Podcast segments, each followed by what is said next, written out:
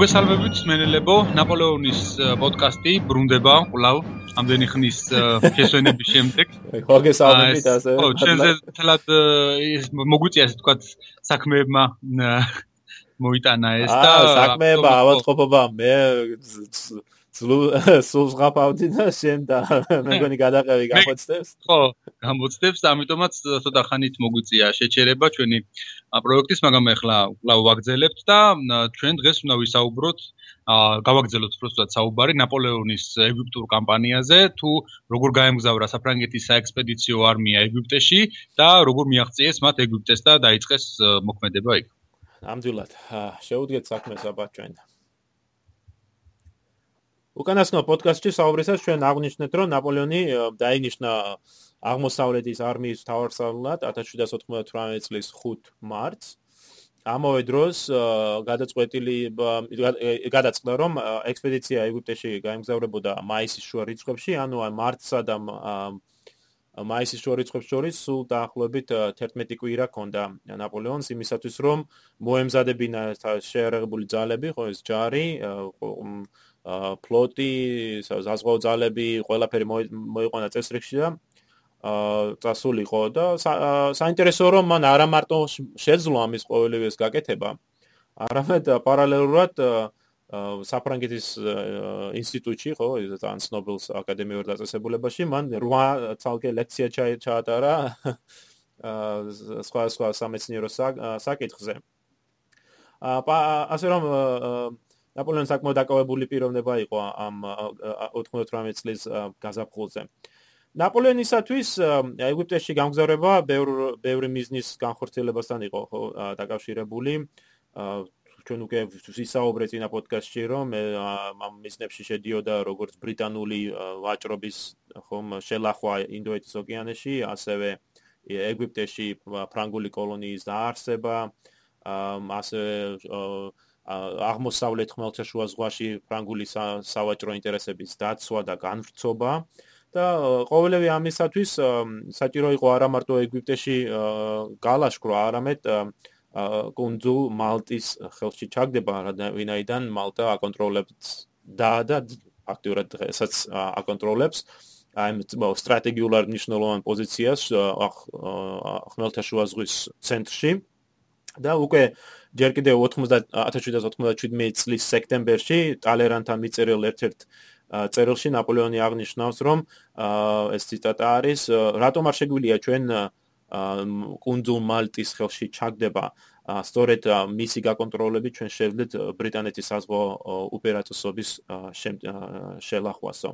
ასევე დირექტორიასთან მიწერილ წერილში ამავე პერიოდში ის აღნიშნავს, რომ ცოტა ეს პატარა კუნძული, ანუ მალტას გულისხმობა ეს პატარა კუნძული მეტად მნიშვნელოვანი და ძვირფასი შენაძენი იქნება ჩვენთვისო. აა თუ ჩვენ გადავხედავთ მის მოსამზადებელ მოღონისძიებებს 98 წლის გადაფხულზე აღსანიშნავია რომ სწორედ ამ პერიოდში ნაპოლეონი შეხვდა რამ სხვადასხვა პირს, ახალგაზრდა ოფიცერს თუ გენერალს, რომელმაც შემდგომში მნიშვნელოვანი როლი ითამაშეს იმპერიის დაარსებაში და ნაპოლეონის სამხედრო კამპანიებში. ამათ შორის ალბათ ყველაზე მნიშვნელოვანი იყო შეხვედრა, რომელიც შედგა 98 წლის 28 მარტს, როდესაც გენერალმა ლუი დეზემ მეტად საინტერესო პიროვნება და ჩვენ მასზე ვისაუბრებთ შემდგომში დეზემ მოიყვანა ნაპოლეონთან შეხვედრას შეხვედრაზე ახალგაზრდა გენერალი სახელად ლუი نيكოლა დავუ ეს შეხვედრა შედგა ნაპოლეონის სახლში რუ დე ლა ვიქტუარს ქუჩაზე და სწორედ აქ გამარჯვების ქუჩაზე. ხო გამარჯვების ქუჩაზე ნამდვილად. სწორედ აქ ხდება პირველად შეხვედრა აი ამ 28 წლის ბურგუნდელი ხო დავუს და ნაპოლეონ შორის. აღსანიშნავია რომ შეხვედრა არ იყო წარმატებული. ნაპოლეონს მეტად ესეთი ცუდი შაბეშტილება დარჩა დავუზე ცნობილია ხო რომ დავუ მეტად ისე ცივი პიროვნება იყო კარგად ვერ გამოხატა ის კაცი იყო ძალიან ხო რკინის რკინის მარშალი ხო აა მაგრამ დეზემ დაარწმუნა ნაპოლეონი რომ ამ ამ ამ პიროვნე ეს პიროვნება იმსახურებდა მის მის მის მხრიდან ამ ნაპოლეონის მხრიდან დაფასებას რომ ნაპდაუ მეტად ნიჭიერი და ჭკვიანი ოფიცერი იყო და სწორედ ნაპოლეონმა აი ამ დეზეს დახასიათების და რეკომენდაციის შედეგად გადაწყვიტა რომ დავუ იქნებოდა ამ ეგვიპტეში მიმოვალი ექსპედიციის წევრი და ეს საკმაოდ მნიშვნელოვანი გამოდგა. ხო სწორედ ამ ექსპედიციის დროს დავუ გამოაჩენს თავის სამხედრო ნიჭს და ნაპოლეონის ამის ამიერიდან მუდამ ხომ გამოიყენებს და მეტად დააფასებს დავუს. ამ ასევე უნდა აღნიშნოთ რომ აი ამ ამ პერიოდში გაზაფხულზე შეხვდა ნაპოლეონის შეხვედრები პირველი შეხვედრები ისეთ გენერალებთან როგორც იყო ჟან ბატის კლებერი ასევე ჟან ფრანსუა მენუ გენერალი ჟან ლუი რენიე და ათობით სხვა გენერალთან რომელთანაც აი ეს შეფასებით თითოეულ ამ გენერალთან შეხვედრით და გასაუბრებით მან ნელ-ნელა ჩამოაყალიბა ეს ოფიცერთა კორპუსი. კაფარელიც იყო რა თანამ კორპუსში მაშინ. ხო დიახ ძალიან საინტერესო ის არის ხო პიროვნება კაფარელი ინჟინერი ხო მოდი ერთ ერთ ერთ პიროვნებას აღნიშნო კიდე და მე შეუდგეთ თვითონ კომპანიას. კავალერიის კავალერიას რაც შეეხება, კავალერიის მეტაურობა, შენ მე მგონი წინა პოდკასტში ახსენე ხო, ნიკა, რომ პატარა საკმაოდ მცირე ზომის კავალერია მიყავდა თან. ხო, ნუ რა თქმა უნდა, საზღვაო გზით ცხენების წაყვანა ბევრისა წარმოუდგენელი. კაი დიდი თავის კივილი იყო, ხო? ხო. და მოკლე ამ მცირე კავალერიის მეტაური იყო აა ჰაიტი ჰაიტიზე ან სან დომინგოზე დაბადებული გენერალი თომა ალექსანდრე დიუმა სწორედ იმ ცნობილი ხო დიუმას мама რომელიც იყო დაბადებული პრანგი ხო თავადაზნაურის მულატი იყო რა ხო მულატი პრანგი აზნაურის და მისი ერთ-ერთი მონის ხო შედეგად და ძალიან დიდი ესე იგი აღნაგობის ფიზიკურად აუღწერლად ძლიერი პიროვნება იყო და ჯარში მას შავ ეშმაკს უძახოდნენ უბრალოდ იმიტომ რომ ავსტრიაში 1990 97 წელია მე 97 წლის იანვარში ადიჯეზე მდინარე ადიჯეზე ბრძოლის დროს ფაქტურად მარტო ამ დიუმამ მარტომ შეაჩერა ავსტრიელთა ერთ-ერთი შენაერთი შეტევა ვიწრო ხიძზე და აი კიდგა ეს ამხელა ვებერთელა კაცი და ამ ავსტრიელებს ისრო და მარცხნივ და მარჯვნივ და ავსტრიელებმა შეარქვეს. ანუ ეს დაახლოებით ისეთი ვარიანტია. სტენფორდ ბრიჯის ბრძოლაში რო ვიკინგმა ბერსერკმა მოიგერია მთელი ინგლისი. ხო და ავსტრიელებმა შეარქვეს შვარცერ თაფელ. აა შავი ეშმაკიო და მოკლედ ჯარშიც მასე უზახოდნენ ამ კაცს. და სწორედ ეს შავი ეშმაკი გაყვება ნაპოლეონს როგორც კავალერიის უფროსა. უფროსი. აა კიდე ერთს კიდე აღნიშნავ ალბათ ეს არის გენერალი ჟან ლანი ხომ ახალგაზრდა ოფიცერი რომელიც გახდება ამ საეკპედიციო корпуსის აა ეს მომარაგების სამსახურის უფროსი. აა მართალია ისე ცოტა კლერიკული ხო ის მაგიდასთან ჯდომა მოუწევდა кайხანე მაგრამ სამაგეროდ სწორედ ლანის ხელშეწყობით მოხდა აი მომარაგების სისტემის აწყობა და მომზადება და მან მნიშვნელოვანი როლი ის ითამაშა ამ ამ თავდაპირველად ხომ კამპანიის ექსპედიციის წარმატებაში. გამგზავრების წინ ნაპოლეონმა თან წაიღო საკმაოდ ვრცელი ბიბლიოთეკა ვიცით რომ დაახლოებით დაახლოებით 125 წიგნი მიქონდა თან ისტორიაზე, გეოგრაფიაზე, ფილოსოფიაზე, ბერძნულ მითოლოგიაზე და აღმოსავლურ მითოლოგიაზე. ამათ შორის იყო ასევე მოგზაურთა წერილები და აღწერები ეგვიპტესი თუ ზოგადად ახლო აღმოსავლეთის და და მის საყვარელი ასევე პოეზიაც და რომელთა შორის ესეთი წერილები იყო, რომელიც როგორც არიან ოსიანე, ხო, ნაპოლეონის ყველაზე საყვარელი წერილი, ასევე ტასო, ჰომეროსი, რასინი, მოლიერი და ასე შემდეგ. მასთან მიქონდა ასევე ბიბლია, ვიცით რომ ნაპოლეონი არ იყო მორწმუნე, ხო, როგორც ასეთი, მაგრამ მან მაინც წაიღო ბიბლიის ერთი ასლი, ყორანის ერთი ასლი და ასევე ინდოელთა ერთი წმინდა ციგნი ხო ვედები ვედა რომელიც მან ასევე თან გაიყოლა. ანუ აი ცხადყოფს თვითონ ეს ბიბლიოთეკა თუ რამდენად ფართო არეალს მოიცავდა ნაპოლეონის ინტერესები. ა 1798 წლის 19 მაისისათვის ექსპედიცია უკვე მზად იყო და ის გაემგზავრა რამოდენმე ფლოტი რამოდენმე ნავსაყუდელიდან ძირითადი ძალა იყო ტულონში, ქალაქ ტულონში. ხოლო დანარჩენი უფრო მცირე ზომის ესკადრები იყვნენ მარსელში, კორსიკაზე, ასევე გენუაში და ცივიტა ვეკიაში. აა უნდა აღნიშნოთ, რომ ეს იყო ყველაზე დიდი საზღვაო ძალა, რაც კი იყო, რაც კი შეიკრიბა ხმელთაშუა ზღვაში მე-18 საუკუნეში. მოიცავდა ო ძალიან მასშტაბური ექსპედიცია 30000 კაცი არავის არ გადაუყვანია პრინციპში ეს ფლოტიდან რა ამ ხელა მანძილზე თან თუ ჩვენ ჩავთვლით მეზღვაურებს 41 45000 კაცი იყო მთლიანად. აქედან დაახლოებით 15000 მეზღვაური იყო. 280 ხომალდი გემი მათ შორის იყო 13 საზღვაო სახაზო ხო საბრძოლო ხომ და რაჩენი ხო ზოგი სატრანსპორტო ზოგი ფრეგატი და ასე შემდეგ. დიახ, დიახ, ყველაზე დიდი იყო სწორედ ასტრონიანი. ხო, ლორიენტ, ხო, რომელსაც ვიცე-ადმირალი ფრანსუა ბრუე მეტაურობდა. აა და სწორედ 19 მაისს ისინი მათ ამ ეს გადრამ დატოვა პორტები და გაემგზავრა ეგვიპტისაკენ. მეტად იღბლიანი გამოდგა ნაპოლეონის გადაწყვეტილება რომ დაეტოვებინა პორტები 19 მაისს, ვინაიდან სწორედ წინა დღეს დიდმა ქარიშხალმა ჩაიარა დასავლეთ ხმელთაშუა ზღვაში და დიდი ზიანი მიაყენა აგანლაგებულ ბრიტანულ ესკადრას, რომელსაც მეთაურობდა ახალგანთმული ადმირალი ჰორაციო ნელსონი, ხო? ნელსონის ესკადრა შეიცავდა 13 სახაზო გემს, მაგრამ მათ ეს ბევრად მართალია შეიძლება რიცხვით პატარა მოგვეჩვენოს, მაგრამ 13 ბრიტანული სახაზო გემი ძალიან ძლიერ ძალას წარმოადგენდა და ადვილად გაუმკლავდებოდა სწორედ ფრანგულ ესკადრას. და ნაპოლეონს გაუმართლა, რომ ეს ქარიშხალი იმდენად ძლიერი იყო, რომ ეს ბრიტანული ესკადრა მიმოფანტა სარდინიას, კორსიკას და ესპანეთს შორის და შემდეგ როდესაც გემები ბრიტანული გემები შეძლეს თავმოყრა აღმოჩნდა რომ ბევრი მათგანი იყო საკმაოდ დაზიანებული.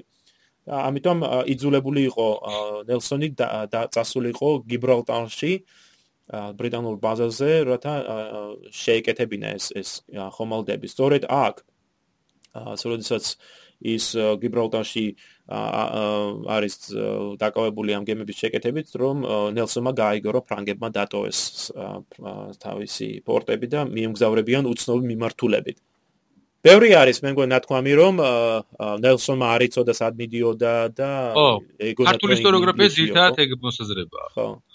ქართული ისტორიოგრაფიის ძირითადად წერენ რომ ნელსონმა მოატყუა ისინი ნაპოლეონმა მოატყუა ნელსონი და ისე აა თვითონ სხვა მართულებით აპირებდა წასვლას და მოატყუდა ნელსონი და გიბრალტარის დაცვა დაიწყო. ანუ ფიქრობდაო რომ გიბრალტარი და შემოევლო ინგლისის ინგლისისკენ ეს ეხლა გარკვეულწილად არის სიმართლე ამაში მაგრამ ვიცით რომ ძირითადი მიზეზი რატომ იყო ნელსონი გიბრალტარში იყო სწორედ ეს დაზიანება ხო ზიანი რომელიც მისმა ხომადმა განიცადეს ამ ქარიშხალში უნდა აი ხაზინა გავუსვეთ თვითონ ნელსონს რამდენად ნიჭიერი და ესეთი ძლიერი მეტაური იყო რომ მან დაუყოვნე ეგრევე მიხვდა როგორც კი მიიღო შეტყობინება ფრანგების გამგზავრების შესახებ რომ ისინი არ მიდიოდნენ ინგლისში და მან გადაწყვიტა დაუყოვნებლივ წასულიყო აღმოსავლეთით ანუ აი სტელიეს მოსაზრება რომ აი გიბრალტარს იცავდა ნაპოლეონისგან ბათილდება იმით რომ ნელსონმა გაგებისთანავე გაცურა აღმოსავლეთით ხომ?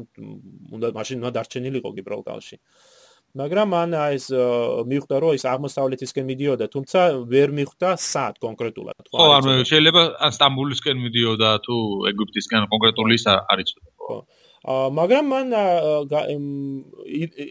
პირველი მისი რეაქცია იყო რომ ალბათ ეგვიპტისკენ მიდის მიდიოდნენ ფრანგები და ამიტომ აა პირდაპირ გაცურა ხომ აღმოსავლეთით ეგვიპტისაკენ. ჩვენ ვიცით ის ცნობილი მომენტი 98 წლის 22 ივნისს როდესაც ეს ორი ფლოტი გზა ხო ერთმანეთს გადაეკვეთა. სულ დაახლოებით 20 25 კილომეტრის მოშორებით მიცურავდნენ ერთმანეთისგან ზოგიერთი თულთულხელის ფრანგულ მხრიდან აცხადებს რომ გემებს ის რომ ფრანგებმა დაინახეს კიდევაც ღამე ბრიტანელების გემები რომ იცურავდნენ ჰორიზონტზე თუმცა ბრიტანელებმა ბუნებრივია ვერ შეძლეს მათი დანახვა. ისტორია შეიძლება აბსოლუტურად შეიძლება რომ ნელსონს დაინახა ეს კონძულ კრეტასთან ხომ ეს მიმოვალი გემები მაგრამ ვერ შეძლეს წარმომიდგენია რა მოხდებოდა ხო? ნაპოლეონი იქნებოდა კრეტაზე ალბათ გამომწყვეული თუ არა თუ არა მკვდარი. მოკლედ 29 ივნის 29 ივნის ნელსონი ჩავიდა ალექსანდრიაში და მის გასაკვირვად ფრანგები იქ მას არ დახვდა.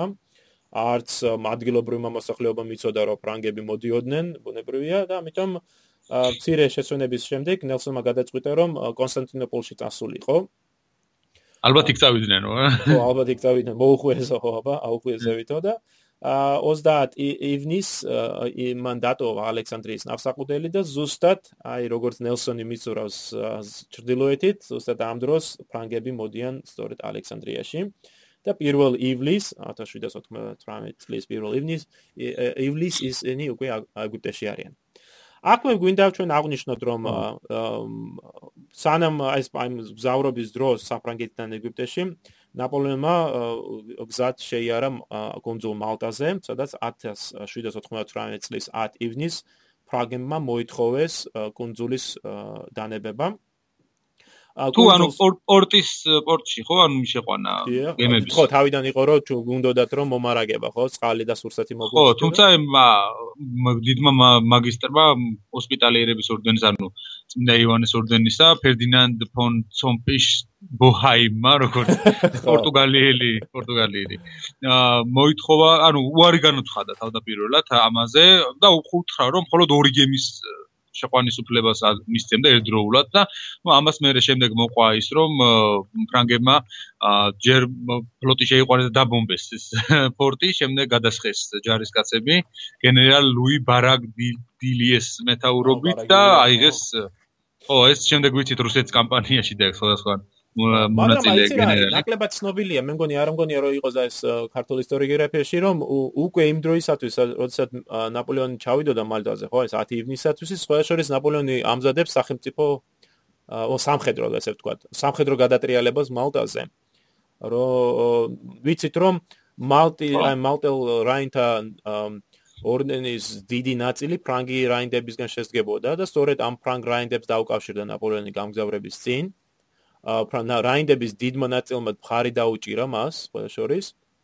და ეს ჩვენი საწოდავი ჰომპეშ ზუბოჰაიმს აა სხვა შორის გადაათქმევინეს ხო საბოლოოდ გადაათქმევინეს სწორედ ამ ფრაგმა აა რაინდებმა.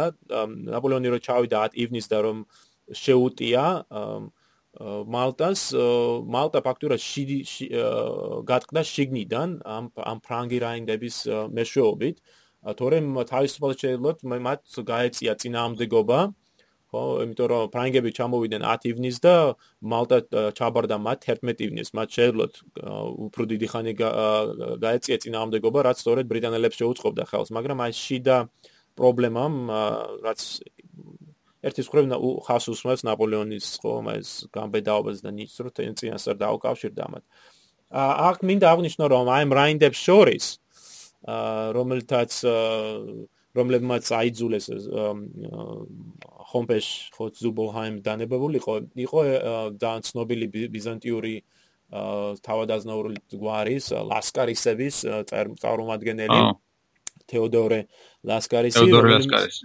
ა ტყვეთ ჩავარდა ფრანგებს ჩავარდა ტყვეთ მაგრამ მალევე გადავიდა მათ მხარეს და ნაპოლე და მომდევნო ეს არის 98 წელი ხო? მომდევნო თითქმის 20 წლის განმავლობაში ეს ლასკარესი იქნება ნაპოლეონის ერთ-ერთი ყველაზე მნიშვნელოვანი საიდუმლო აგენტი აღმოსავლეთში.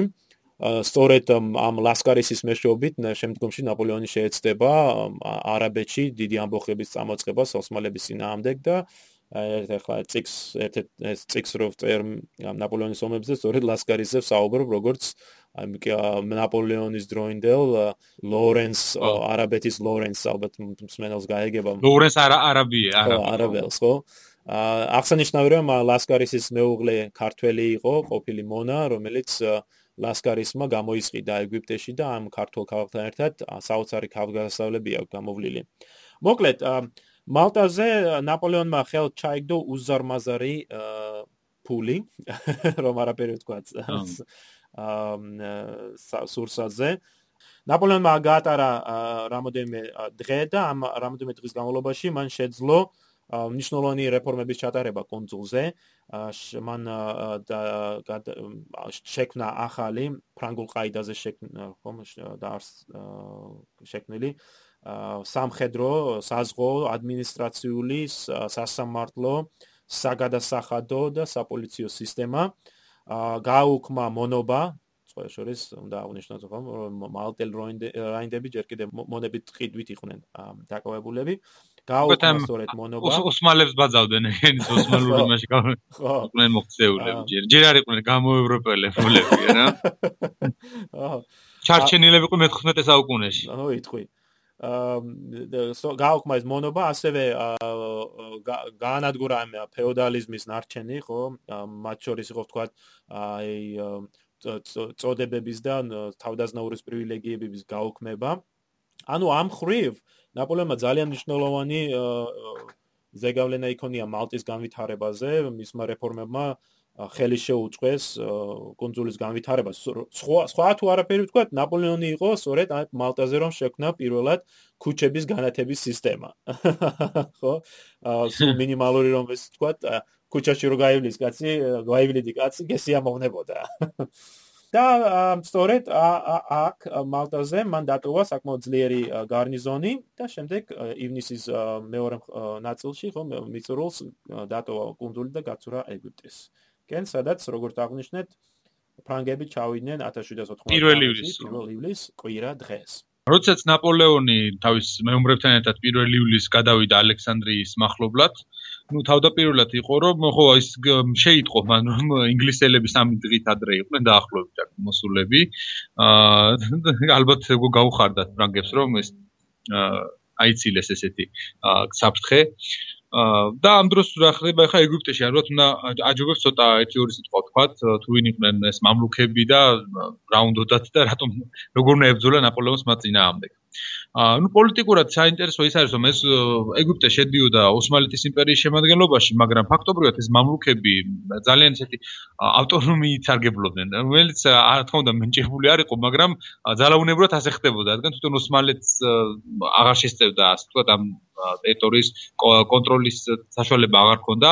აა მამლუქები საკმაოდ დიდ ძალაუფლებას ფლობდნენ, საკმაოდ მრავალრიცხოვანიც იყვნენ. ალბათ ამ დროისათვის ამდენიმე 1000 მამლუქი იყო ეგვიპტეში. სწორედ ქართულ ისტორიოგრაფიაში მამლუქების შესახებ საკმაოდ ბევრი ნაშრომი არსებობს, ძალიან მნიშვნელოვანი. მათ შორის არის თუნდაც მაგოთ გოჩა ჯაფარიძის ნაშრომები, რომელიც განსაკუთრებით საინტერესოა ამ თვალსაზრისით. მან საერთოდ ბატონი გოჩა წამოიღო ყველაზე ესეთი მოწინავე. კი, ყველაზე მოწინავე მამლუქების ეგვიპტის მამლუქების შესწავლის საკითხში. ასევე ბენიამინ სილაგაძე შეიძლება აღინიშნოს და დავით ჯანელიძეც, რომელსაც მათ გამქვეყნებული აქვს ქართველი მამლუქები ეგვიპტესა და ერაყში. ძალიან საინტერესო ციგნია, სადაც სხვადასხვა მიმოიხილავენ ნაპოლეონის ეგვიპტურ კამპანიასაც საფუძველია. აა ერთი ის ტეხოს რო ეგ ციგნი აქვს დაწერილი ძირითად ფრანგული წყაროები არა აქვს და გამოყენებული მაგ ციგში. აი ეგ მარლა მარლა ესეთი საკითხი არის რა. ერთ-ერთი მე რაც ვნახე გამოყენებული იყო ნაპოლეონის თვითონ ნაპოლეონის შენაწერები მეგვიპტის შესახებ. ხო, კორესპონდენცია არ არის, არც მიმოწერა, არც ბრძანებები. ცოტა გაიშალათ ეს. შეიძლება თავის დროზე არც ისე ადვილი იყო ალბათ ყველაფერზე ცდომა და ახლა ახლა უკვე შეიძლება ალბათ საკითხი აღნიშნავდი ხო რომ ქართველები საკმაოდ წარმოდგენილი ის აკონტროლებდნენ მამლუქთა ადმინისტრაციის ხო დიდ ნაწილს თვითონ ხო საერთოდ მე-18 საუკუნეში განსაკუთრებით ბევრი იყვნენ და მნიშვნელოვანი ნუ ეს მამლუქები როგორც ვთქვით ეს ბაჰრელები და ბურჯელი მამლუქების პერიოდში ნაკლებად ჩანან ქართველები უფრო თავდაპირველად უფრო სწორად ან შუა საუკუნეებში და შემდეგ უფრო რაც უფრო გვიან პერიოდში უფრო მეტნი არიან. ამ დროისათვის ახლა აი ორი მოწინავე მამლუქები ბეების შორის მურად ბეი და იბრაჰიმ ბეი შინჯიკაშვილი ორივე ვთქვათ, ყველაზე გავლენიანი მამლუქები იყვნენ, განსაკუთრებით მურად ბეი ამ დროისთვის, ფაქტობრივად ის იყო მამლუქების ხედართავარი და ნაპოლეონის მთავარი მოწინააღმდეგე ამ შემთხვევაში ეგვიპტეში. აა თვითონ ეს მამლუქები, ნუ იყვნენ როგორც ვთქვით, თავდაპირველად უბრალოდ მეუმრებად აღზრდილი მონები იყვნენ, თეთრ მონას ნიშნავს თვითონ მამლუქი და მე-11-მე-12 საუკუნეებიდან უკვე არიან ისინი აღმოსავლეთში. აა ნუ უკვე მე-14-მე-13-მე-14 საუკუნეებში ეგვიპტეში მამლუქებმა თავიანთი სასულთნო დააარსეს და მას შემდეგ მიუხედავად იმისა, რომ ოსმალებმა შემდეგ დაიპყრეს მამლუქის მამლუქთა სასულთნო, ისინი აგზელებენ აქ კლავ ცხოვრობენ მამლუქები, კლავ დიდი გავლენით სარგებლობენ და მიუხედავად ნუ ოსმალეთის იმპერიაში ეგვიპტის შესვლისა, კლავ ფაქტობრივი გამგებლები ისინი არიან ამ ალიბეი ხო ეს ქართველმა ალიბეიმა რომ მე-18 საუკუნის შუა წლებში ფაქტურად ეგვიპტე დამოუკიდებ ნახევრად დამოუკიდებელს აა სახელმწიფო ჩამოაყალიბა ხო? მართალია და პრინციპში ნუ რამდენიმე წელიწადში შემდეგ ეგვიპტეში ისეთი საფუძველი იყო უკვე იმის რომ გამოყოფოდნენ ოსმალეთს რომ შემდეგ ვთქვით მუჰამედ ალი უკვე როგორ იმუქნედა ეგ და კინაღა ოსმალეთი აქეთკენ დაიპყრო და თუმცა, მაიცა, მაიცა, თუმცა უნდა აღნიშნო, რომ მაგან ამის გაკეთება შეძლო სწორედ ნაპოლეონის გამო, ხო? ხო. ნუ დაუკარგავ ნაპოლეონს ამას. აა, სწორედ აი მა აი ესეთ მამლუქთა ძალას აი სწორედ მამლუქების ინამდე მოუწევთ უწევთ ფრანგებს შებრძოლება. ვიცით რომ ისინი პირველად გადასხდნენ დაბა მარაბუთთან საღამოს 11 საათზე, 1 ივლისის 11 საათზე. მარაბუტი მდებარეობს ალექსანდრიიდან დაახლოებით 10 კილომეტრის დაშორებით და პირველი იერიში ქალაქზე მიიტანა სწორედ გენერალ მენუს ჯარისკაცებმა მათგან მათ შეძლეს ქარაკში შეღწევა, სადაც თუ დაუჯერებთ ფრანგ მოხსენებებს, სამხედრო მოხსენებებს, ხო ბრძოლის მერე დაწერილს. აა მათ შებრძოლ მათ მოუწიათ შებრძოლება დაახლოებით 500 მამლუქთან. და ისინი აღნიშნავენ რომ მამლუქებიდან არც ერთ არ ქონდა ცეცხლსური იარაღიო. ამ ფრანგებს ხო ხო ცეცხლსური აქვს მაგრამ არც ერთ არ ქონდა ამ მამლუქს ცეცხლსური იარაღი და მაგრამ მიუხედავად ამისა მაინც 150 კაცი დავკარგეთო. ვინაიდან მამლუქები მეტად გააფთრებით იფცავდნენ ქალაქსო. ხელშეწირ ბრძოლაში მამლუქები ძლიერები იყვნენ ძალიან ხო კი მართალია. ახსენებენ რომ ნაპოლეონმა ეს გარდაცვლილი ფრანგი ჯარისკაცები დაამარხა სწორედ ესე ცნობილი სანაპიროზე მდებარეობდა ცნობილი აა ნეოს პომპეუსი ხო? რომ რომელი ხერდა თავარი კონსული და ასე შემდეგ სწორედ რომელიც მოკლეს ხო ეგვიპტეში გადასვლით აი მის და სადაც ის მას თავი მოაჭრეს იქ ხომ შემდგომში ძეგლი დაიდგა. და პრო ნაპოლეონმა სწორედ ამ ძეგლის ქვეშ დამარხა ეს ფრანგი ჯარისკაცები. აა ნაპოლეონმა ალექსანდრიაში გაატარა ერთი კვირა, მოემზა მოამზადა საფუძველი ქალაქში ფრანგული ადმინისტრაციის ხელისუფლების დასამყარებლად, ასევე შექმნა ბაზა, რომელიც შეძლებდა ფრანგული ჯარის მომარაგებას მომდევნო კვირეების განმავლობაში. მან დაამყარა კავშირი ეგვიპტეში მყოფი ფრანგელ ვაჭრებთან. რომელთა მეშვეობით შეიტყო რა ვითარებას უფევდა თელს რეგიონში და შემდეგ უკვე დაიწყო შეტევა კაიროსკენ. კაიროსკენ მიმოვალმა ნაპოლეონმა გამოაქვეყნა სპეციალური მიმართვა ეგვიპტელი ხალხის მიმართ რაც მეტას აღსანიშნავი არის და ამიტომ ალბათ საჭირო არის რომ სრულად მოვიყვანო ჩვენ ეს ეს манифесто. ამ და ამ ამ ამ განცხადებაში ის წერს. ეგვიპტის ხალხებო, დიდზე დიდი ხანია, რაც თქვენი გამგებელი, ჩაგვრელი ბეგები შეურაცხყოფენ ფრანგ ერს და მის სოვდაგრებს საჯაროდ ამცირებენ. დადგა მათი, ანუ ბეგების დასჯის ჟამიც. დიდზე დიდი ხანია, რაც საქართველოში და ზოგადად კავკასიაში ناقიდი მონების ჯგუფი მსოფლიოს ამ უშუენიერეს მხარეს ტარვალურად სტანჯავს, მაგრამ ყოველივეს გამგებელმა უზენაესმა უფალმა ბრძანა დასრულდეს მათი მეუფეობა. ეგვიპტის ხალხებო, თუ გეტყვიან რომ მე მოვედი თქვენი სარწმუნოების, ანუ ისლამის, მოსასმობად არ დაიჯეროთ. მე მოვედი რათა აღვადგინო თქვენი უფლებანი და დავსაჯო მოძალადენი.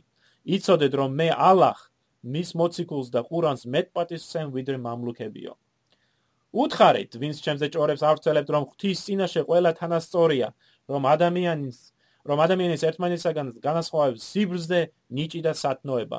მაგრამ რა სიბრძნე, რა ნიჭითა და რა სათნოებით არიან დაჯილდოებული მამლუქები, რომ მათ ეკუთვნოდეთ ყველაფერი, რაც კი ცხოვრება საამურს ხდის. თუ სადმე სავარგული მიწა მამლუქები დაპატრონებიან, თუ სადმე მზეთუნახავი მტყვია, საუცხო ბედაური ან და საუკეთესო შენობა, ყოველივე ისინიც მამლუქთა საკუთრებას წარმოადგენს. თუ მათ ეგვიპტეს საიჯარო შეთანხმებით აგადაცემული, გვიჩვენონ შეთანხმების საბუთი, რომელიც მათ ღვთისაგან უნდა კონდეთ მოძებული. მაგრამ უფალი ყოველას მიმართ სამართლიანი და მოწყალეა.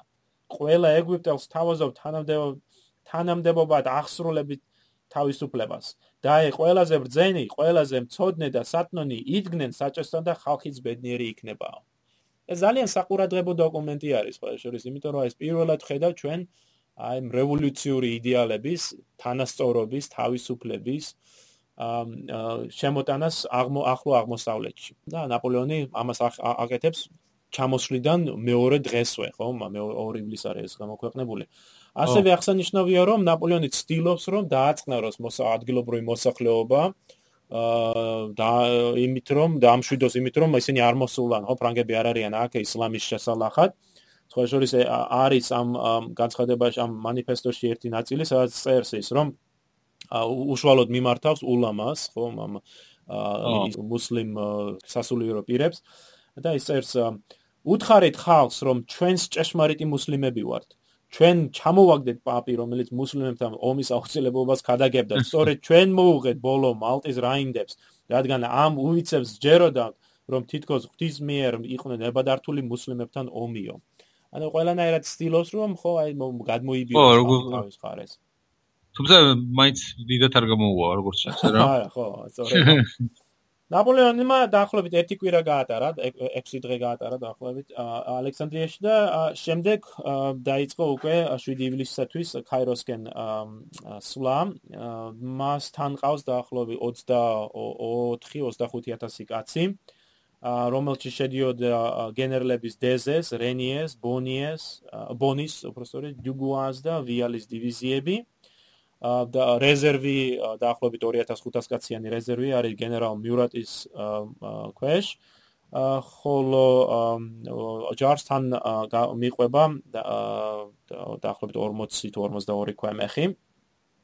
აი მეტად საინტერესო არის აი მათ ფრანგების გადასვლა ხო ამ ეგვიპტეში და შემდეგ მისვლა ლაშქრობა კაიროსაკენ.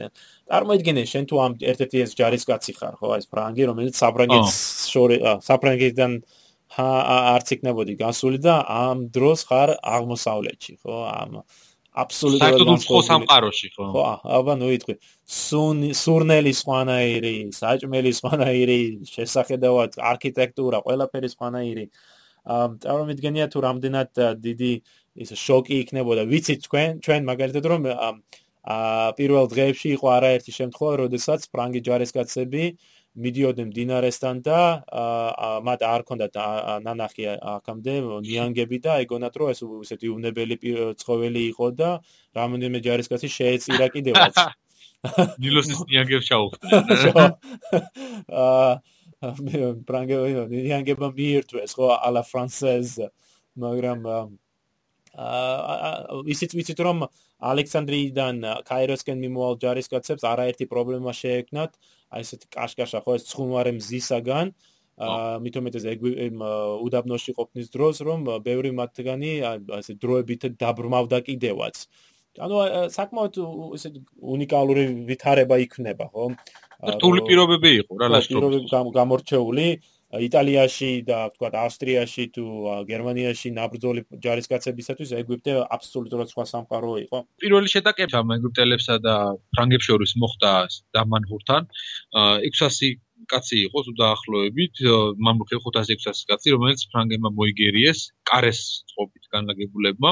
აა და პრინციპში ისე საინტერესოა ეს ფრანგებსა და მამლუქებს შორის ბრძოლა, აი ორი საერთოდ განსხვავებული სამხედრო ხელოვნება ხდება ერთმანეთს, იმიტომ ეს პრინციპში აი მამლუქების სამხედრო ხელოვნება მოძველებულია ალბათ ამ დროისათვის ფრანგებთან საბრძოლველად უკვე ისინი ცხენოსნები არიან ძირითადად იბრძვიან ხელჩართული ბრძოლის იარაღით, ну ასაკვირველი არის წესასროლი იარაღი შესული, მაშინ მამლუქებიც იყენებენ, მაგრამ უფრო ნაკლებად და არა ისე ორგანიზებულად როგორც ფრანგები.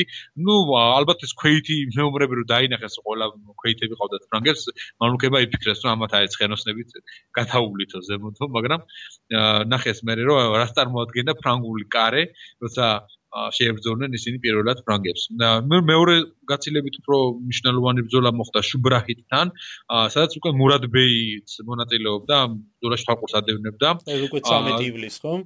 ხო, 13 ივლისს და სამდინარო ფლოტიც ყავდათ მამლუქებს ჩართული ამ მოქმედებებში. აა თურქე თურქი მეზარბაზნეები და მეთოფეები იყვნენ ზემოთ ამ პატარა ხომალდებზე. აა ხო და ნუ პრინციპში ფრანგებმაც ფლოტილია თვითონაც ცდილობდნენ რომ გამოეყენებინათ ეს უკვე შემდეგ უკვე აა პირამიდებთან ბრძოლაშიც მათ მოახერხეს ამ სამდინარო ბრძოლაში ჩართვა და დაამარცხეს კიდევაც ეს მამლუქების ფლოტილია. ახლა ისიც უნდა ვთქვათ, რომ ამ მამლუკებს კი გააჩნიათ oh. ეს äh, ფლოტილია და ვთქვათ артиლერიაც, äh, მაგრამ ხარისხობრივად äh, ო, ბევრად ჩამოვარდება, ну, ევროპულ. მითუმეტეს ჩვენ საუბრობთ ახლა ფრანგულ артиლერიაზე, რომელიც უკვე გამორზმედილი იყო, ხო, წინ ო, განსაკუთრებით ნაპოლეონის ხელში. ხო, აბა, რა პარაფერი თქვა ნაპოლეონის ხელში, ხო. წარმოიდგინე ხარ ართული იქნებოდა ხო ამ ჩამორჩენილი სამხედრო ხელოვნების წარმომადგენლების ბრძოლა ესეთ გამო გაწუთნილ მეომრებთან რომლებიც მიჩოულები იყვნენ თავიანთივე დონის მოწინააღმდეგესთან ბრძოლასთან მით უმეტეს ნუ ამათთან. აა თავდაპირველად გასაკურველია ნაპოლეონი კავალერიის წინამდე როგორც ჩვეულებრივად ევროპული ტაქტიკაში იყო მიღებული აა კარებს აკეთებდნენ ფრანგები და ისე იგერიებდნენ კავალერიის შემოტევებს და ისე განლაგდნენ ეს დივიზიები და ჯვარედინი ცეცხლი გაუხსნეს მამლუქებს და მოახერხეს მათი მოგერიება. აა გასაკურველია ისინი მამლუქები კარგი მეომრები იყვნენ უბრალოდ მათ ასეთი ბრძოლა, ასეთ ბრძოლაში პრინციპში მათ მონაწილეობა არასდროს არ მიუღია. ხო, ასეთ სამპეგესთან არ არ გუბრძოლიათ არასოდეს და ნაკლებად იყვნენ მზად, რომ წარმოიდგინეს ცხენოსანი ჯარი, რომელიც ხეჩართული ბრძოლის იარაღით მიიწევს ამ მოწინააღმდეგე ცეცხლსასროლი იარაღით შეარაღებულ მეომრებისაკენ, რომლებიც ჯვარედი ცეცხლსუხსნიან მას და პრინციპში ანადგურებენ, სანამ მიუახლოვდება თვითონ ამ კარეს და ну ძალიან გართულდა მათთვის ამათან ბრძოლა განსაკუთრებით მზარბაზნები და ახლა ისიც უნდა აღნიშნოთ რომ თვითონ მამლუქებს თვითონ თუ რაც შეეხება მამლუქთა ძალას ისინი აა რიცხობრივ უმცირესობას წარმოადგენენ. თუმცა მამლუქების გარდა ყავდათ ასე ქვეითი ჯარი ხო ფელაიჰინების და ვიცით რომ 10-ობით 1000 ზოგიერთ იმასაც ამბობს რომ 90000-მდე ფელაიჰინი ჯარისკაცი ყავდა მაგრამ ეს ჯარისკაცი კი არ იყო არამედ აი ადგილობრივი, ხო, გლეხი. მოხალისესავით იყო, ხო, რაღაც. ანუ ახლა ფრანკ ჯარისკაცთან შედარებით ეს ამას საბრძოლო მოტივაციაც არ ქონდა ფაქტობრივად. ანუ ეს იყო რაღაც საზარბაზნე ხორცივით წაყვანილი ჯარი, რომელსაც ჩართული, ხო, საბოლოოდ არც ჩაერთო ბრძოლაში.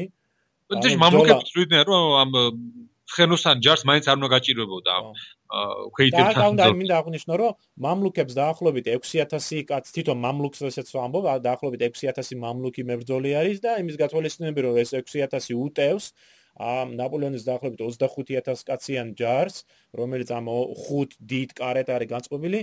არ არის გასაკვირი ის რომ მამლუქები დამარცხნენ. ისიც არ არის გასაკვირი რომ ფრანგებმა მხოლოდ 29 კაცი დაკარგეს მკვდარი. აა იმიტომ რომ ხო, პრინციპში ეგ იმიტომ რომ ისინი ცეცხლხსნიდნენ და შორიდანვე იგერიებდნენ. ხო, აბა რა. შეტაკებები მაქსიმალურად ნაკლები იყო. ხო. აა ბრძოლაში და გამოკარგ კავალერიამ დაახლოებით 3000-მდე შეიძლება უფრო მეტი სამწუხაროდ არ აქვს ჩვენ ზუსტი რიცხვი 3000-მდე კაცი დაკარგეს რაც კანდახების დროსაც პლუს კიდევ ქვეყანა მეომარი და ზარმაზარი დანაკარგი იქნებოდა მამლუქებისათვის ძალიან რთული იქნებოდა ამ ასეთი ძალის და ამ ხელად გაჭრთნილი ხო ჯარისკაცების ახლიდან მოპოვება და ხო შევსება ამ ძალის სწორედ ამ პირამიდებთან გამართული ბრძოლის შედეგად ნაპოლეონმა ფაქტურად დაამკვიდრა შეძლო ქვედექს ეგვიპტის ხო გაკონტროლება და ეხლა უკვე თვით ეგვიპტის ამ დედაქალაქის ასე ვთქვათ კაიროს დაკავება. საინტერესო მომენტია თვითონ ისიც აი ძალიან ხშირად ხდება თუნდაც მხატვრულ ლიტერატურაში თუ კინემატოგრაფიაში ეს ნაპოლეონი როგორ მიმართავს თავის ჯარს ამ პირამიდებთან ბრძოლის წინ. როგორც თქვით ეს ბრძოლა იმბაბასთან მოხდა. მაგრამ უბრალოდ პირამიდების ბრძოლა ეწოდება რადგან ამ ადგილიდან მოჩანს ეს პირამიდები და თანაც ისე თქვა რომანტიკულ ელფერსზე ძალიან ეს პირამიდების ბრძოლა. თვითონ აი ნაპოლეონმა როგორ მიმართა ჯარს რომ აი თქვენ 40 საუკუნე გადმოგცქერით ამ პირამიდებიდანო ზემოდან იბრძოლეთ შეხმე ხო და არ შემარწმუნოთო ეს э, ხო რამდენგანმე არის ასახული თუნდაც აი ქართულ ფილმში მამლუკი სადაც არის ეს ბრძოლა. მამლუკი ბავშვობის კაი მოგონებები კაი კაი კაი კაი გამახსენე შენ. აა ხო ეს ნაწარმოებშიც როგორც ისე კონდატ თარაშვილის ნაწარმოებია, სადაც აღწერილია ეს ბრძოლა. და ნუ ამის შემდეგ უკვე ფრანგები შევდიან კაიროში, სადაც უკვე მამლუქები მამლუქებმა ალბათ მოახერხეს თავიანთი ქონების რაღაც ნაწილის წაღება თან გაასტრეს ნუ კაიროდან ნაპოლეონს, მაგრამ მიუხედავად ამისა, რასაკვირველია, ასეთ მოკლე დროში ისინი ვერ მოახერხებდნენ აა თლად გადაბარგებას ამ ქალაქიდან და ბევრი ბევრი მათი აა სიმდიდრე ფრანგების ხელში აღმოჩნდა. ამრიგად ნაპოლეონი უკვე კაიროში არის. აბ საკმაოდ კვანყოფილი არის ლაშქრობის მიმდინარეობით, ხომ სამი კვირაში მან და მისმა ჯარისკაცებმა რამოდენიმეჯერ დაამარცხეს ეს მრისხანე მამლუქები. დაიკავეს ქვემო ეგვიპტე და რა თქმა უნდა ასრულდა ნაპოლეონის დიდი ხნის ოცნება და ის აღმოსავლეთში აღმოსავლეთშია და ფაქტიურად მიყვება კვალდაკვალ თავისი ხომ თავის დიდ რა ქვია იდეალს ალექსანდრე მაკედონელს ხომ? მაგრამ ამავე დროს არის მომენტები რომელიც აი სწორედ პრობლემას უქმნის ნაპოლეონს დავიწყოთ იმით რომ თვითონ ჯარშიც დიდი უკმაყოფილება არის. არაერთი ჯარისკაცი უკვე გამოხატავს ამ უკმაყოფილებას იმით რომ აი ესეთ შორეულ ქვეყანაში ასეთ რთულ პირობებში უწევთ ბრძოლა ერთი საინტერესო შეხვედრა არის შეთხოვა არის როდესაც ჯარისკაცებისთვის ეს მორალური სულისკვეთების ამაღლების მიზნით ნაპოლეონმა უბრძანა აი მეცნიერებს ჩვენ აღნიშნე წინა პოდკასტში მეცნიერები დაახლოებით 170 კაცი ხო რომელიც მონაწილეობას მიიღო მონაწილეობა მიიღო ამ ექსპედიციაში. ნაპოლეონმა უბრძანა რომ აი ლექციები ჩაეტარებინათ. აა ჯარისკაცებისათვის და ერთ-ერთ ლექციას ატარებდა გენერალი კაფარელი და კაფარელს ფეხი ფეხი არ ქონდა, ცალფეხა იყო. ხო, ლექციის დროს ერთ-ერთმა ჯარისკაცმა ვუკნიდან წამოსძახა. თქვენ რა გენერალებად, გენერალო, ცალი ფეხი მაინც აფრანგეთში გაქვთ, აი ჩვენ რა უნდა ვქნათო. აა მეორე პრობლემა, საკმაოდ მნიშვნელოვანი, არის ის, რომ 19 ივლისს აა დაბა ვარდანთან ყოფნისას აა ღამით ჟუნო, ანდო ჟუნო, რომელიც ჩვენ შევხვდით, ხო, ათინაზე, ჟუნომ ნაპოლეონთან საუბრისას გაუმხილა რომ ჟოზეფინა ღალატობდა მას. და აი ჩვენ აღნიშნე წინა პოდკასტში რომ ჟუნოს კარგი კარგი დრო მონახა რა. აა ამ ნოიტყვინო. რომ ჟუნოს გამწარებული იყო ჟოზეფინაზე იმის გამო რომ ჟუნოს კონდა ეს ურთიერთობა ჟოზეფინას ერთ-ერთ ფრეილინასთან. ხო, რომელიც მას შეაცნია და ჟოზეფინა მამის გაგების შემდეგ გააგდო ეს ქალი და ჯუნო გაკიცხა და ამ ჯუნო ფაქტურად იძია შური.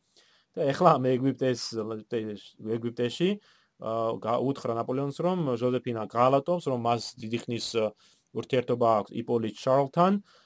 და არა მარტო უთხრა არამედ აჩვენა კიდევაც წერილი ჩვენ არ ვიცით ზუსტად საიდან მოიპოვა ეს წერილი მაგრამ ვიცით რომ აჩვენა წერილი ნაპოლეონს რომელიც ხატყობდა რომ ნაპოლეონს ცოლი ღალატობდა და აი ამ გააგიჟა რა მართლა ნაპოლეონი. ამ საკითხავი ჩვენ ზუსტად არ ვიცით პასუხი თუ რატომ მაინც და მაინც ეგვიპტეში გადაჭყდა ჟუნო მამის გაზიარება. რატომ არ ქნა თქვა პარიში როდესაც ნაპოლეონი იყო მithometes შეეძლო ხო თუ თუ სათქმელი იყო სწორედ იქ ეთქვა სადაც ნაპოლეონს შეეძლო თქვა იპოლიტ ჩარლთან საქმის გარჩევა.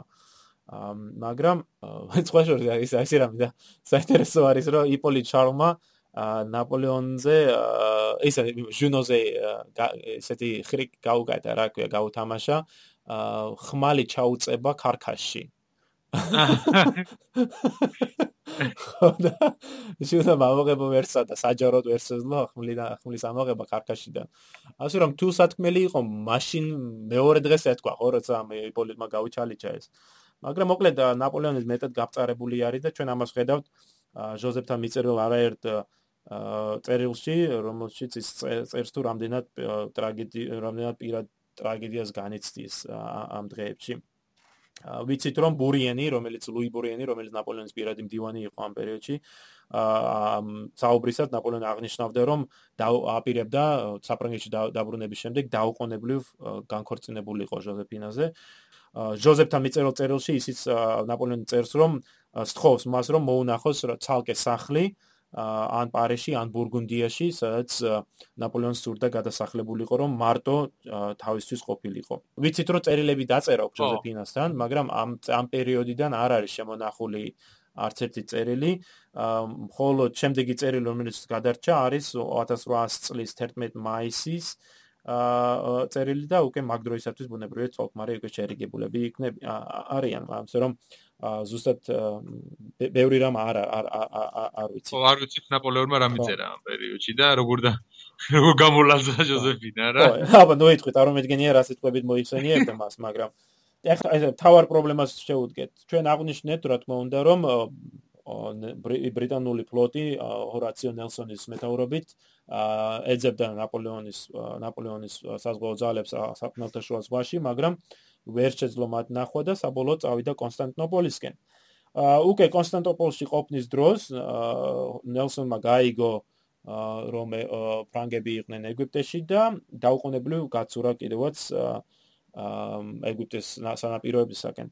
აა ბრიტანელები ჩავიდნენ ეგვიპტეში 1 აგვისტოს და მიუახლოვდნენ ალექსანდრიასთან მოშორებით მდებარე აბუკირის ყურეს სადაც ფრანგული საზღვაო ძალები იყვნენ განლაგებული. ნაპოლეონმა დაუტოვა ადმირალ ბრუეს სოციალური ინსტრუქციები რომ მას უნდა შეეყვანა ეს ფრანგული ფლოტი ალექსანდრიის ნავსაყუდელში, სადაც ის მეტად დაცული იქნებოდა, მაგრამ ბრუემ გადადო ეს ამის შესრულება. სხვა სხვა მიზეზის გამო მათ შორის იყო რომ ნავსაყუდელი არ იყო საბოლოოდ მზად ამ ამ ხელა საზღვაო ძალის ძალისათვის. და ამიტომ როდესაც ბრიტანელები ჩავიდნენ აბუკირში ფრანგული საზღვაო ძალა მას დახვდა ჯერ კიდევ ამ ამ ყურეში. არც ფრანგები იყვნენ საბრძოლველად.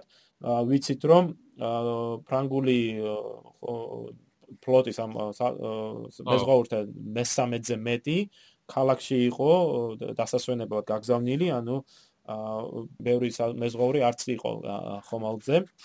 ვიცით ვიცით რომ აა ნელსონმა მეტად ორიგინალური გეგმა შექმნა საბრძოლველად. იმის მაგევრად რომ აი სახა ერთ ხაზად განწყობილიყო ბრიტანული ფლოტი როგორც წესი მოითხოვდა და შებრძოლებოდა ფრანგებს. მან მეტად ორიგინალურად შეუტია ორ ხაზად ხომ? ერთი ხაზი შეუტევდა ფრანგებს მარცხენა მხრიდან ხოლო მეორე შეუტია მარჯვენა ფლანგზე რაც გულისხმობდა თვითონ ფრანგი ჯარსა და სანაპიროს შორის გასვლას. მეტად სარისკო გადაწყვეტილება იყო მაგრამ გაამართლა და სულ რამოდენმე საათი ამ ბრძოლაში ნელსონმა სრულებით გაანადგურა ფრანგული ფლოტი. 9 ხომალდი ხელთ ჩაიგდო ორი თლიანად განადგურდა, მათ შორის იყო ძირითადი ხომალდი ლორიენტ, რომელზედაც იყო სწორედ მალტაზე ხელჩაგდებული მთელი საგანძური. ო, ეს აფეთქება სხვათა შორის დახატულიც აქვს, რამდენი ნახატზე ძალიან ცნობილი სცენაა, ხო? აბა. და ბრუე თან გაყვა ხო ამ ხომალდს, ზეთ ზეთ შეაკვდა. მხოლოდ 4 ხომალდმა შეძლო გაქცევა ადმირალ პიერ ვილენევის მეტაურობით, მაგრამ შედეგი სახეზე არის. ბრიტანელებმა ხმელთაშუა ზღვაში პირატესობა საზღვაო ოპერაციობა აიღეს ხელთ. ნაპოლეონსკი არანაირი საზღვაო ძალა არ დარჩა იმისათვის რომ შებრძოლებოდა მათ.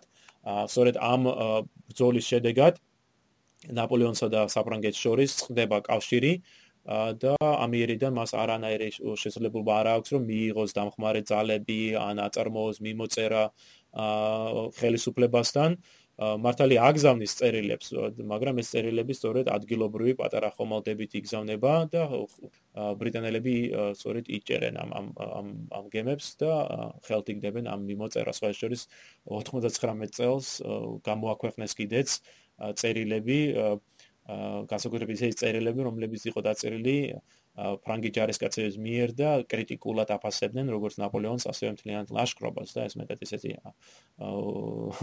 შემარცხვენელი მომენტი იყო ხომ ფრანგებისათვის. აბუკირთან ფლოტის განადგურების შემდეგ ნაპოლეონს ალბათ ბევრი აღარაფერი დარჩენოდა გარდა იმისა, რომ მიეხედა შიდა ეგვიპტის ეგვიპტეში საქმეებისათვის, მას ფაქტობრივად მოწყვეტილი იყო ის. კონტაქტი აღარ ქონდა მას საფრანგეთთან და კონტინენტურ ევროპასთან. აა თუმცა ეს არაძლევ არაძლევდა იმ საშუალებას, რომ ნაპოლეონი შეეწყვიტა თავის საქმიანობა ეგვიპტეში და ის სხვა გზა მას აღარ ჰქონდა დარჩენილი არც ისე და არც ასე. და მართლაც მან დაიწყო რეფორმების გატარება და დაგეგმა მომავალი ლაშქრობებისა თუ როგორ უნდა ემოქმედა მას მამლუქების წინააღმდეგ და ასევე სირიაში შემდეგ დაეწყო თავისი ექსპედიცია. ალბათ აჯობებს ხო დღეს დავასრულოთ აქ საუბარი და შემდგომ უკვე გავაგზავნოთ მომავალ პოდკასტში რომელშიც მოვიხილავთ სირიის კამპანიას და ცნობილ სენჟენ დაკრის ალყას. ამბილად